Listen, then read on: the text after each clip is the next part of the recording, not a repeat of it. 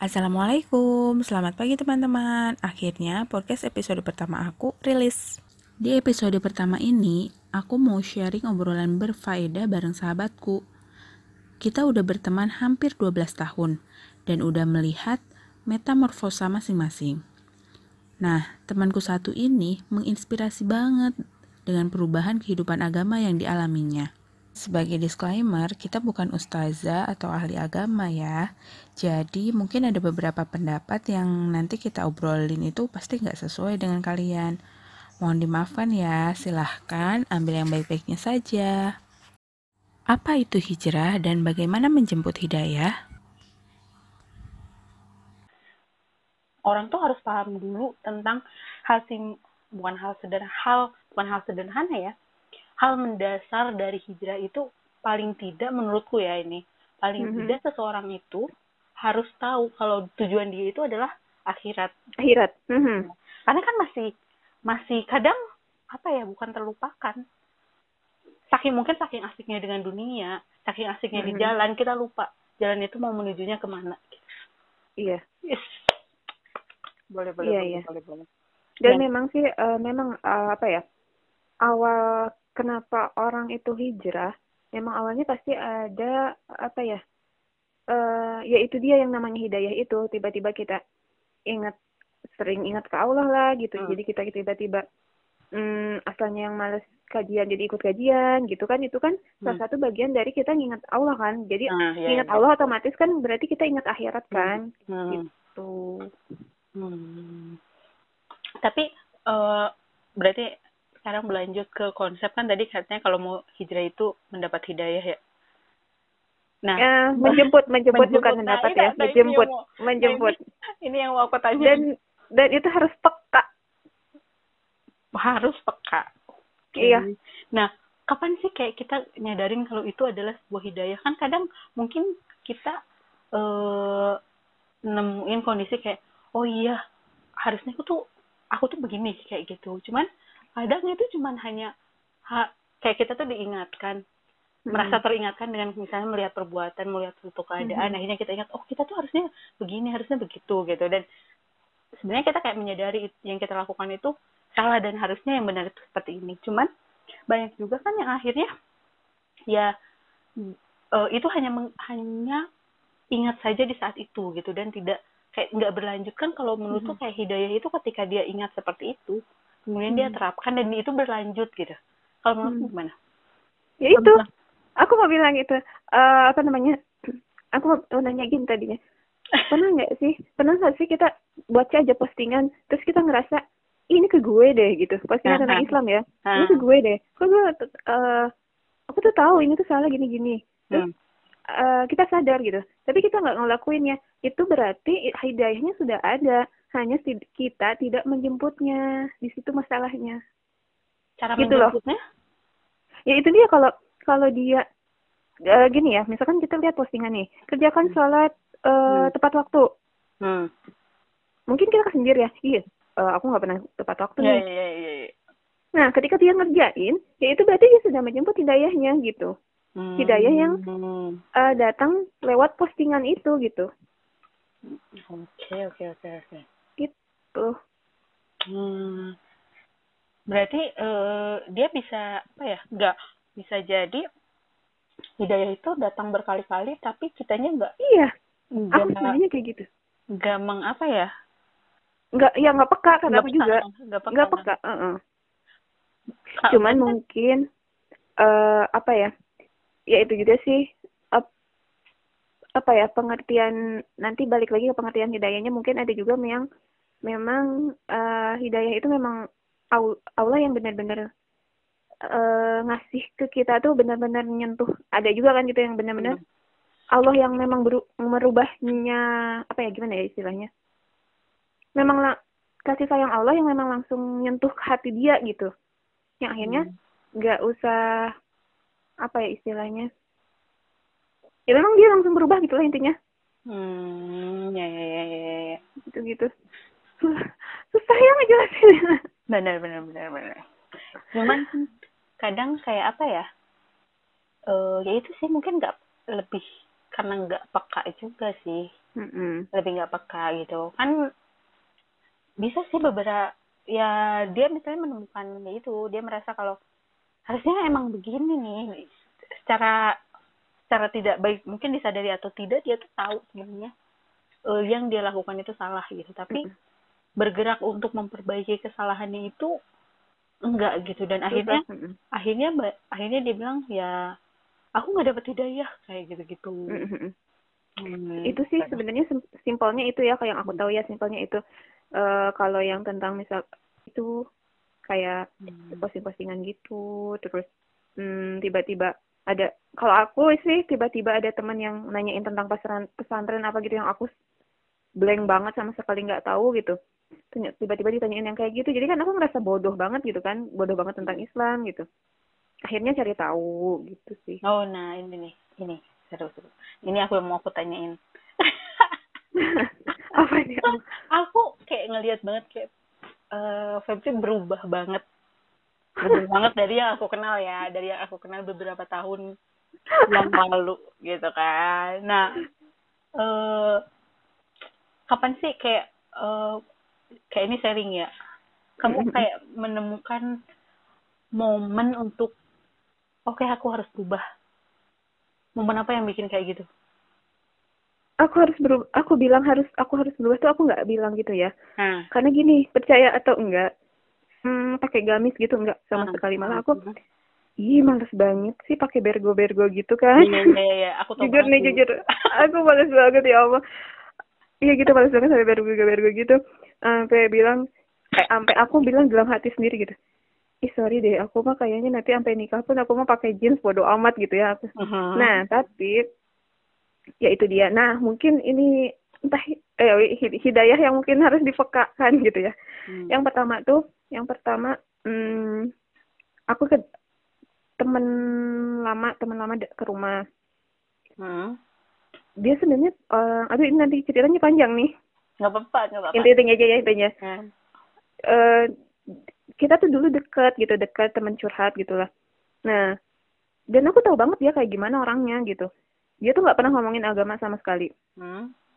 Nah, tiba-tiba dia ke rumah, terus dia terus ngobrolin agama gitulah. Ngobrolin agama, ngobrolin kedekatan dia dengan orang tua, bagaimana doa dia dengan orang tua. Di situ kan otomatis, ih kok bener gitu ya. Itu yang pertama. Hmm. eh apa ya, obrolan dia tentang agama. Itu yang pertama. Yang kedua, em, yang kedua itu kakak tingkat kuliah. Hmm. Ini aku gak pernah cerita ya. Hmm. Kakak tingkat kuliah. Eh, kita chatting di Facebook. Hmm. Hmm, aku juga dia Apa komentar tentang dia komentar tentang status aku. Aku kan bikin statusnya kayak gini. Manusia hanya manusia hanya berencana, Tuhan yang menentukan. Hmm. Ya. Nah, itu ternyata ternyata dia dia komentar, akhirnya kita obrolan panjang dan itu tadi dia ngebahas tentang pesantren. Ceritanya dia itu eh apa ya? Dia itu anaknya anak dunia banget gitu ya. Tiba-tiba ayahnya Dunia. meninggal. Mm-mm, ayahnya mening ayahnya itu ketua pondok ketua pondok pesantren dan meninggal dan dia harus menggantikan posisi ayahnya. Hmm. Nah, dan dia sharing ke aku. Katanya aku harus kayak gimana nih sementara aku tuh orangnya dunia banget. Nah, aku aja yang dunia aku juga dunia banget gitu. Otomatis aku kan bingung ya harus cari solusi buat dia bagaimana gitu ya. Hmm. Hmm. Di situ akhirnya kan aku tuh ketuk juga. Aku harus cari tahu nih gitu. Hmm. tentang kehidupan pesantren gitu ya. Tentang kehidupan Islam gitulah. Di situ yang kedua ya. Nah, yang ini ini percepat ya. yang ketiga, Oke, oke, oke. yang ketiga eh aku dapat ada kerjaan Hmm. disuruh eh baca kandungan Al-Qur'an dari awal sampai akhir. Oh my god. Yang itu yang nggak pernah aku lakukan kan. Hmm. Aku jujur aja aku nggak pernah lakuin, aku nggak pernah baca kandungan Al-Qur'an. Hmm. Jujur banget aku. Dan itu ya itu kamu kamu tahu kerjaan aku kan. Hmm. Nah, itu yang ke- ketiga. Yang keempat, aku ketemu lagi sama teman lama, teman di kampus. Hmm. Dulu kenal waktu mos. Udah lama nggak nggak pernah kontakan. eh, dia ngubungin terus dia nawarin tentang diklat eh diklat santri gitu lah Hmm. tingkat santri Mm-mm. nah karena apa ya karena ada karena kejadian yang tiga tadi Hmm. itu tuh udah mulai tumbuh-tumbuh apa ya eh udah tumbuh-tumbuh hati aku tuh agak kebuka gitu dalam arti Hmm. eh ada yang a- apa ya aku tertarik dengan Islam gitu bukan tertarik dengan Islam ya istilahnya udah. astagfirullah udah udah menganut Islam dari kecil ya.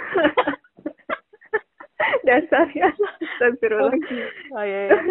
intinya Terus, terus. intinya ingin lebih tahu eh, apa ya ya itu ingin lebih lebih deket gitu lebih deket sama agama aku yang ang- dianut gitu ya padahal aku kan pakai Hmm. jilbab gitu Iya. Nah, dari situ akhirnya aku putusin jalan satu-satunya yang memang yang bisa melanc eh, bukan bisa melancarkannya. Salah satu ikhtiar yang bisa memang eh, bikin aku lebih deket sama agama aku yang memang mulai di iklat itu salah satu caranya karena kan dari sana eh, tempatnya tahu di mana gitu terus arahannya ke mana tahu gitu kan akhirnya ya saya eh, aku pikir ya memang untuk saat itu untuk aku yang ingin eh, menambah pengetahuan gitu ingin mulai ada perubahan-perubahan ya aku ikut ke situ dan akhirnya memang dengan sendirinya sih dengan sendirinya Hmm. awalnya kepaksa sih awalnya kepaksa awalnya kepaksa yang nggak nggak nggak nggak boleh pakai celana kan Hmm. harus pakai rok gitu lah pokoknya segala yang benar-benar dimulai dari nol gitu yang harus aku beli beli beli beli gitu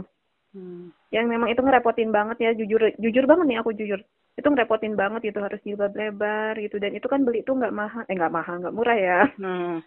dalam sekali beli gitu eh, dalam sekali beli harus beli rok beli kerudung gitu itu Hmm. ngerepotin banget cuman akhirnya apa ya karena terbiasa eh punya malu sendiri gitu malu kalau misalnya akhirnya aku tuh ke masa jahiliyah lagi gitu loh Hmm. Ya ya ya. ya, ya. gitu dan memang akhirnya ya menikmati gitu sih Hmm. jadi nggak ada patokan iya aku harus berubah nih gitu tiba-tiba berubah aja enggak gitu pasti memang ada prosesnya Hmm. gitu dan sebenarnya yang paling sulit akhirnya adalah istiqomahnya Nah, ya itu itu yang mau aku tanyain. Jadi kayak eh, pernah nggak sih kepikiran untuk eh, aku pengen balik lagi deh kayak gitu. Aku kayak kayaknya ini nggak nggak aku kayaknya lebih enak yang dulu deh kayak gitu.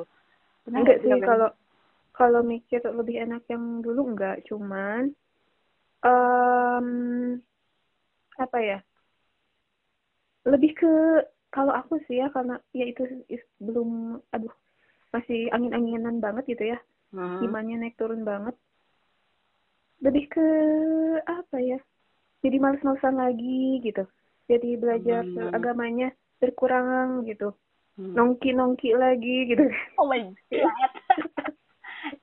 Ada gak sih eh, misalnya punya punya ustadz khusus atau komunitas khusus yang kamu ikutin gitu? hmm yang sering. misalnya bisa bikin akhirnya kan tadi oh kadang naik turun ya imannya naik Mm-mm. turun gitu yang yang kayak rajin banget ngingetin ada nggak sih Yang ada rajin? sih Hmm. ada sih. ada Berarti pak kayak faktor lingkungan juga penting banget ya ah penting banget penting banget penting banget. Hmm, oke oke oke oke. itu tuh apa ya eh kalau untuk orang yang hijrah itu penting banget kontrol lingkungan dia nggak bisa hijrah sendirian. Beneran dia nggak bisa hijrah sendirian. Karena masya allah godaannya tuh luar biasa. Dari Ustadz ya yang penting pesan dari dari Ustadz apa? Pesan dari Ustadz.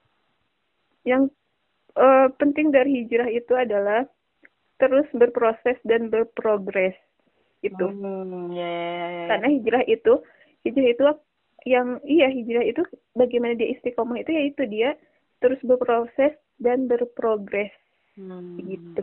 Oh iya iya. Gitu Ini- doang. bener bener bener. Itu juga tadi se- tadi kelupaan untuk aku tanyain sih tentang ya itu. Sampai mana sih orang kayak harus berhijrah gitu? Apakah kalau misalnya dikatakan tadi dia pindah ke suatu kondisi ya udah pindah ya udah hijrah. Udah segitu doang. Apa enggak. Berarti enggak ya kan itu dia. dengan Mm. pesan Ustaz tadi berarti hijrah itu sebenarnya setiap waktu setiap saat gitu sebenarnya kan. Karena kan ada entah hadis atau apa sih yang yang bilang kalau hari ini tuh harus lebih baik daripada hari sebelumnya. Ya Dan itu itu kan dia berarti itu itu sebenarnya hijrah itu nggak cuman sekali. Mm-mm. nggak cuman satu kondisi aja. Tapi misalnya ketika dia sudah kalau tadi dia sudah ber, tadinya tidak berjilbab menjadi berjilbab kemudian setelah berjilbab pun mungkin akhirnya dia hari besoknya memperbaiki hal apa hal apa jadi sebenarnya nggak hijrah itu nggak cuma satu kondisi tapi akan selalu ber ya tadi berprogres dan berproses terus menerus Mm-mm. oke sepakat penutup yang bagus bisa jadi Untung nggak lupa.